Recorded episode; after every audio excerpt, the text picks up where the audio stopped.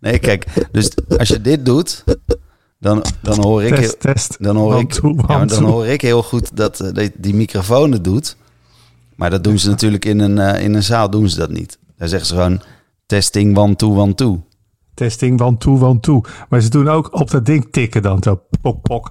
Testing, one, two, one, two. Ja, van die geluidstechnici inderdaad. eh, Bij een soundcheck. En ze zeggen ook wel eens sinaasappel. Sinaasappel. Nou, nou, dat zal dus heus een keer iemand gezegd hebben. Maar in principe is het gewoon eh, testing, one, two, one, two. Echt eh, vocabulaire van een kleuter, joh.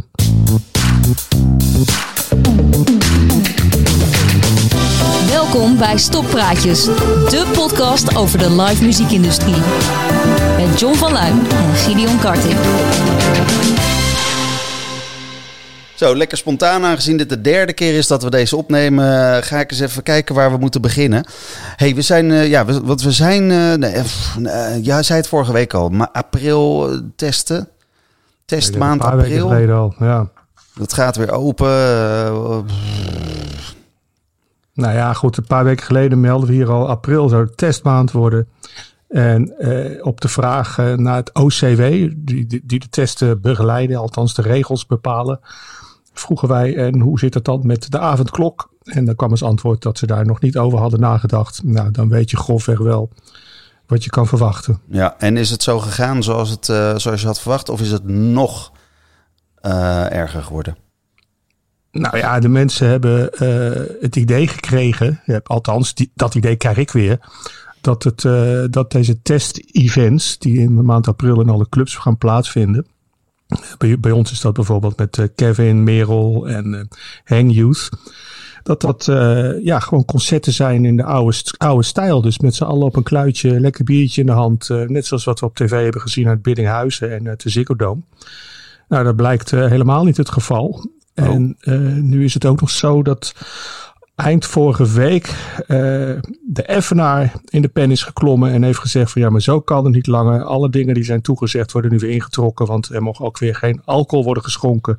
Eh, de manier van testen, controleren eh, is weer veranderd. Nou, dat zijn allemaal kleine details. Maar dat, In is ieder wel, geval- dat is wel grappig dat de Effenaar weer, nou weer, dat de Effenaar haantje de voorste is. Want dat, nou, dat ben ik niet gewend van ze.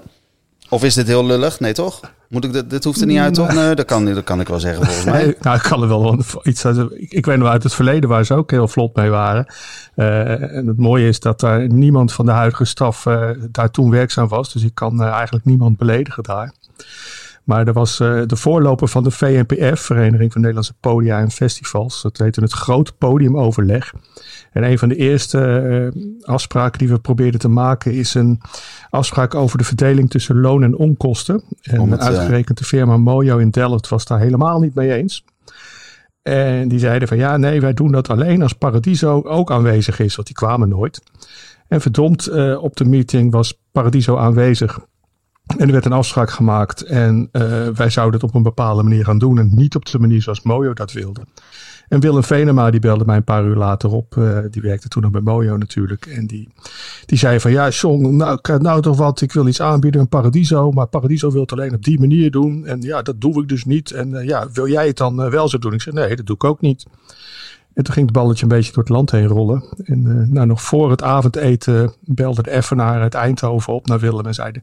Nou Willem, wij willen het wel doen hoor, op jouw voorwaarden. Ja. Nou, dat was dan het einde, het einde van de eerste afspraak tussen de podia. Wat dat betreft zijn het net voetbalclubs. ja, we zouden het niet over voetbal hebben, maar het afspraken maken met meerdere partijen is altijd een drama. Er wordt altijd gezegd van, joh, eh, dat is... eh, dat is wat iedereen doet, maar eh, in, eh, nou, eigenlijk in tien van de tien eh, gevallen gaat het altijd mis. Maar leuk dat In je het over... gevallen gaat het altijd mis. Ja, toch? dat is een, hele- ja, dat is een hele diepe. eh, Gideon. understatement, understatement. hey, maar je had het over VNPF. eh, ik, eh, als we dan toch een beetje blijven bij de afkortingen. De F, FKP, FPK? Nee, FPK. Sorry, ik, ik zat het op te lezen. FKP, dat klopt niet. Het FPK. Enig idee? Eh, ik voel hem een beetje aankomen. Ja. Gaat over subsidies, Fonds Podiumkunsten. Nee, ja, het is eigenlijk ook alweer nieuws van eh, vorige week. Want 2 april eh, werd het allemaal eh, bekendgemaakt. Maar ja, ik zit er ook niet helemaal meer in. Dus ik ben even een weekje later. Maar Ja. Ja, 12 miljoen kaartjes die door corona niet verkocht worden. En 251 aanvragen die zijn gehonoreerd die betrekking hebben op 900 producties. Ja, de subsidie van de Fonds voor de Podiumkunsten, die... ehm, nou ja, het komt er gewoon op neer. Er is een, een bak geld opengetrokken en iedereen kon eruit graaien. En daar is gretig gebruik van gemaakt. Ja. Zo, eh, ja, ik, nou ja, je kan hem eh, op eh, fpk.nl kan je met een beetje goed zoekwerk kan je de bedragen vinden. Maar we hebben het over tonnen die, die naar, nou, naar de ons zo geliefde ehm, producenten gaat. Dus, en dan hopen we, dan gaan we er maar van uit, dat dat ook bij de makers terechtkomt. Dat is natuurlijk wel de bedoeling. En dan denk ik, ja, daar ben ik dan toch wel weer eh, blij mee. Doen ze goed. Nou, ik, eh, ik word er echt helemaal depressief van. Ik kijk ook liever niet naar die lijst, want je krijgt altijd dit soort dingen te zien. Toppers in concert, 164.000 euro. Terwijl je denkt van joh, wat een leuke subsidie zou zijn voor die gast is water en brood gratis in de, in de bak. Weet je wel. Echt, dat is wel.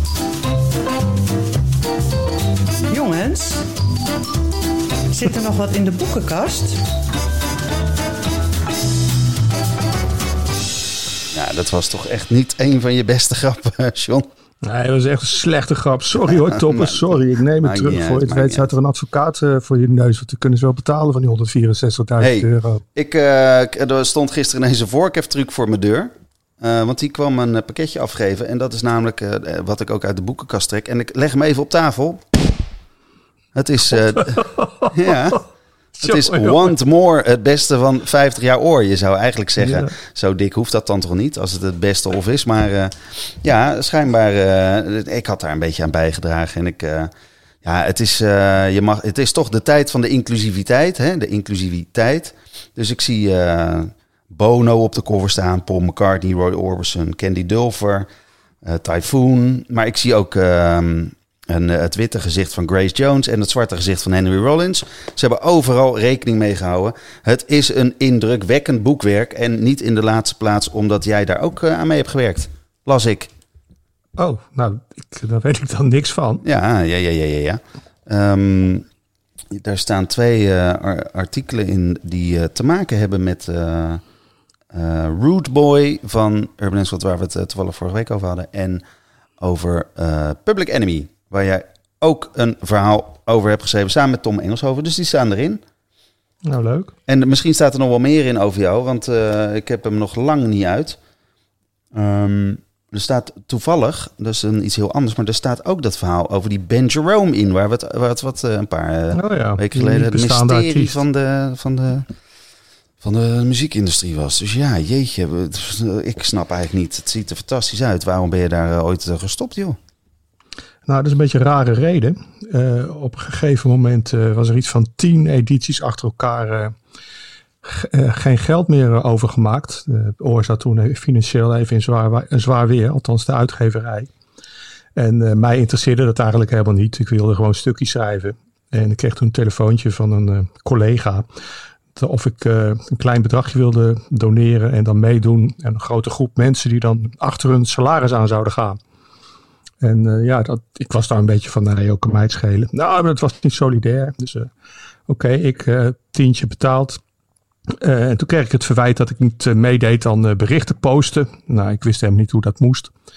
En uiteindelijk kregen we betaald. En vervolgens werden we weer tien keer niet betaald. En begon het hele verhaal weer opnieuw. En weer die gast, eh en dat ik me er meer mee bemoeien. En ik heb zoiets, joh, ik wil alleen maar stukjes schrijven. Ik bedoel, die, die financiële vergoeding die was zo fucking klein. Het interesseerde me helemaal niet. Nou, dat was echt niet de goede mentaliteit. En ik moest toch solidair zijn. En ik dacht op een gegeven moment, weet je wat joh, zoek het even lekker uit eh, met je solidariteit. Ik eh, hou er al helemaal mee op. Dus ik hield ermee op, omdat ik, niet omdat ik geen geld meer kreeg, maar omdat ik het wel best vond dat ik er geen geld voor kreeg. Hmm. Nee, want dat is op zich wel opmerkelijk. Want ik dacht eigenlijk dat je misschien wel was gestopt. Omdat Typhoon eh, op Twitter eh, een beetje had gezegd dat de oor niet echt meer met zijn tijd meeging. En dat eh, de jeugdcultuur werd overgeslagen. En wat moeten die journalisten dan doen? Kinderrijmpjes gaan voorlezen en tv-reclames over 5G? Het slachtoffer van de week.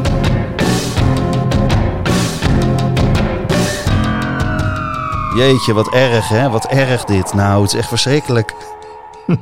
Nou ja, het is, het is een beetje vergezocht slachtoffer van de week misschien. Maar men vraagt zich natuurlijk heel erg af als de podia weer open mochten gaan eind dit jaar, begin volgend jaar. Wie gaan er dan als eerste komen uit het buitenland? En eh, het ziet er in ieder geval naar uit wie er als eerste niet gaan komen uit het buitenland. Eh, als je namelijk kijkt naar de vaccinatiegraad van het continent Afrika. Dan zou je zien dat, dat eh, die landen lopen gruwelijk achter. Ja. Ik hoorde Kenia verwachten half 2023 de hele bevolking te hebben gevaccineerd. En het toeval wil dat de, de leukste muziek, althans vind ik momenteel, eh, een beetje een kruising tussen hip-hop, eh, elektronisch, dance en folk, een beetje, heel klein beetje, komt uit landen als Nigeria en Oeganda. Ja, artiesten als Wizkid, Burna Boy, Jamie Lade. Nou ja, die verwacht ik dus echt nog lange, lange niet te gaan zien. Dus die, ja, die blijven weer achter in hun ontwikkeling, in hun carrière. En ja, het is verdomme ook altijd wat. Ze hebben gewoon altijd pech daar, lijkt het. En dan laten we niet een continentje verder kijken waar ze dan wel weer voorlopen. Korea. Nou ja, daar is de boel zo gevaccineerd dat je bijna denkt dat ze zijn opgespoten. Want het is, eh, die, die zijn ook weer wakker geworden. En eh, beginnen zich eh, massaal te melden om hun enorme producties weer eh, los te laten. Voor gigantische toegangsprijzen, high fives te organiseren en andere flauwekul. Eh, ja, da- daar hebben ze er geen gebrek aan, eh, Nee, nee. vaccinaties helaas. Ik kan, ik kan niet wachten.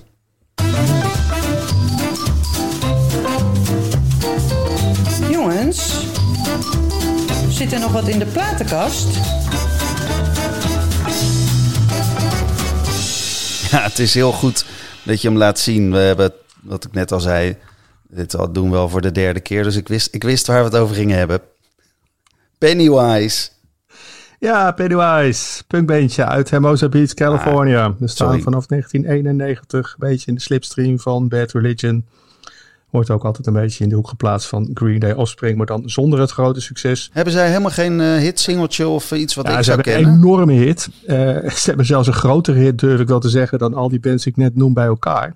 Alleen het grote probleem daarbij is dat niemand weet dat dat van Pennywise is. Het is een Ja, beetje een repelsteeltje van de punkrock. Nou, dat horen we dan wel. En ja, ik kan hem hè, dan weet je. Nou, de, misschien daar, misschien later. Misschien aan het eind even. Ik zal even mijn verhaal vertellen. Dat is best wel bijzonder.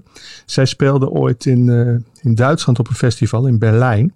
En hun eh, tourbus, eh, ze sliepen vaak in de tourbus, slapen vaak in de tourbus. Die stond precies aan de rand van de, van de dierentuin. En, De Berlin ja, ze zaten- Zoo? De Berliner Zoo of Berliner zo, weet ik het het is. Zo. En ja, zij zaten wat te brallen en waarschijnlijk te, te drank en alles te nemen. En ze kwamen er midden in de nacht op het waanzinnig idee om in te breken in de dierentuin en dan naar de olifanten te gaan kijken. Dus eh, ja, gitarist Fletcher, een enorme kerel, die eh, nam het initiatief om het hek eh, ja, een beetje open te knippen, naar binnen te dringen, het olifantenverblijf te bereiken, daar naar binnen te gaan, want daar stond een heel klein olifantje en dat wist hij.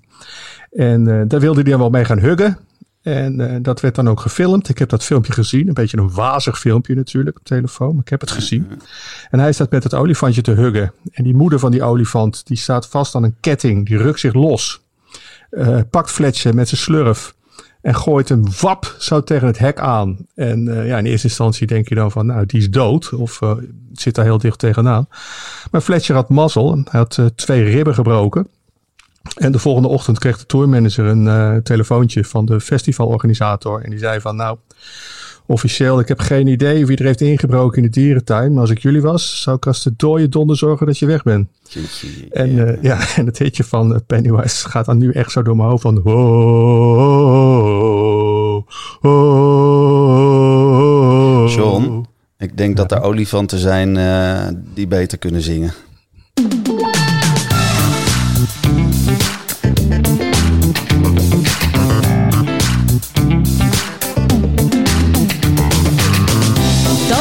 Luisteren naar misschien wel de beste aflevering van Stokpraatjes.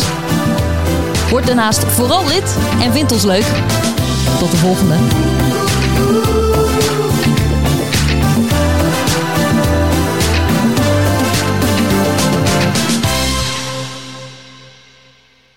Hey John, Ja, weet je wat ik nou lees in dat eh, grote oorboek? nee, natuurlijk niet. Dat ehm, in 1973 Muziekkrant Oor gaat zijn pakket uitbreiden met een rubriek jazz. Fantastisch, wat een nieuws. Dat eh begin van het einde. Kan je wel zo zeggen, ja. ja. Wat ik altijd leuk vond, niet dat ik dat nou zo terecht vond, dat was in de punktijd. Had je de Koekrand, dat is een soort punkblad uit, uh, weet ik het, Zuid-Holland of zo. Je eet ook altijd als eerste op. Ja, dat snap ik. De Koekrand. Ja, tuurlijk. maar dit... Nee, ze hadden dus spoel je stront door met krantje oor. En dat, dat vond ik altijd zo leuk klinken in die punktijd. Nou ja, flauwekul.